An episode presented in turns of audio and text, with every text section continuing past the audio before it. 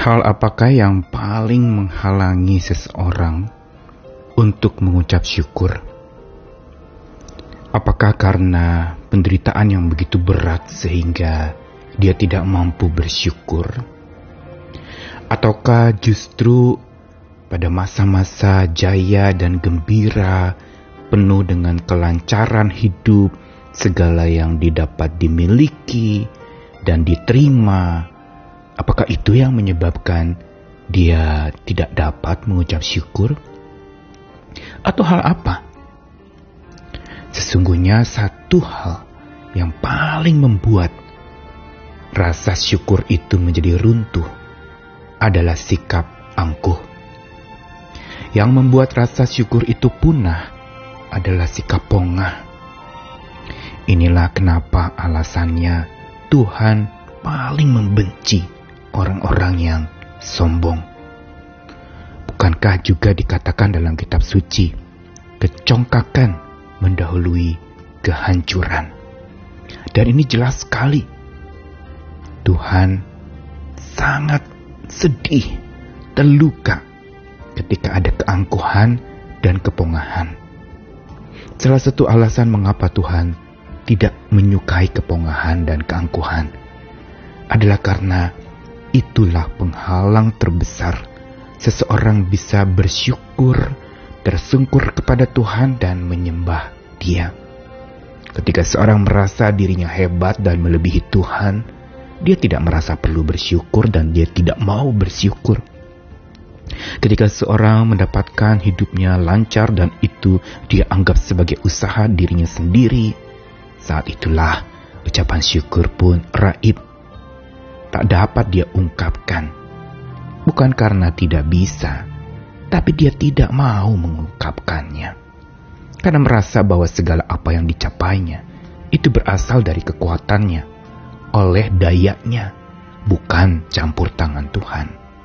Di sinilah keangkuhan yang paling fatal bisa dimiliki oleh orang-orang percaya yang merasa sudah tahu banyak bahkan menganggap diri melebihi Tuhan meremehkan orang, tidak mendengarkan apa kata orang, atau menganggap diri lebih hebat dari yang lain.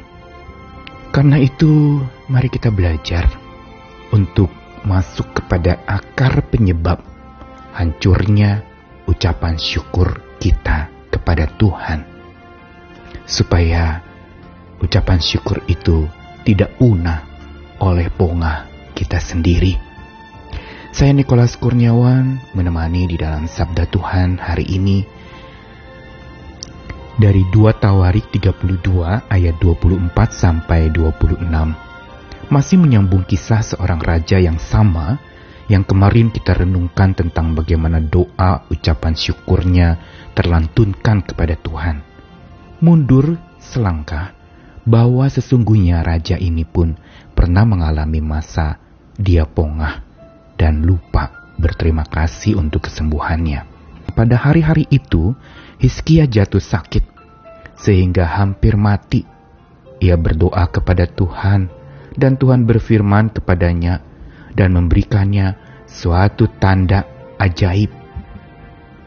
Tetapi Hizkia tidak berterima kasih atas kebaikan yang ditunjukkan kepadanya karena ia menjadi angkuh sehingga ia dan Yehuda dan Yerusalem ditimpa murka.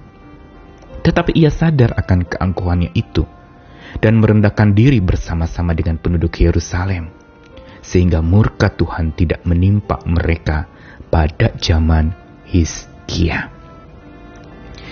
Bila kemarin kita membahas tentang cuplikan dari doa Hizkia atas kesembuhan yang dia terima, di dalamnya ada sebuah ungkapan syukur berasal dari imannya, maka sesungguhnya itu terungkapkan setelah dia melewati sebuah masa, setelah sembuh dari sakitnya, setelah dia berdoa kepada Tuhan dan Tuhan memberikan tanda ajaib, dia sempat lupa dan tidak berterima kasih atas kebaikan Tuhan dalam hidupnya.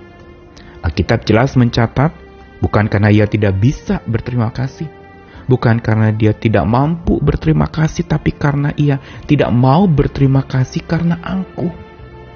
Sehingga kita lihat betapa fatalnya keangkuhan dan kepongahan seorang raja bernama Hizkia.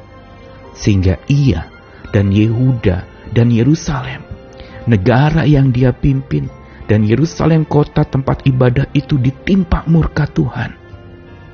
Kita lihat Tuhan tidak main-main dengan kepongahan. Dia akan menyatakan keadilannya bagi orang-orang yang menganggap diri hebat, bagi orang-orang yang angkuh dan pongah.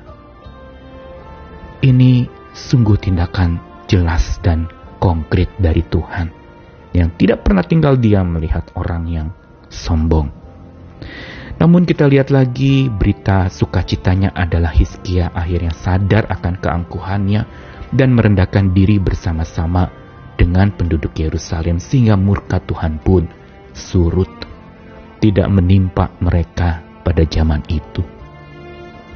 Kisah ini adalah sebuah kisah yang sebenarnya sederhana tetapi punya makna kebenaran yang luar biasa. Kita diajarkan untuk memahami tentang Hal yang paling merintangi ucapan syukur kita kepada Tuhan adalah justru dari dalam diri kita sendiri.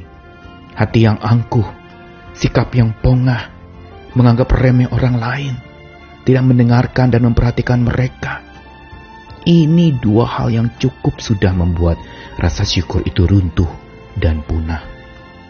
Keangkuhan menyebabkan keruntuhan, kepongahan menyebabkan kepunahan namun tidak banyak orang yang menyadarinya. Orang tetap merasa bahwa kalau dia mencapai satu pencapaian, dia menganggap dia ikut andil untuk dia mendapatkan itu.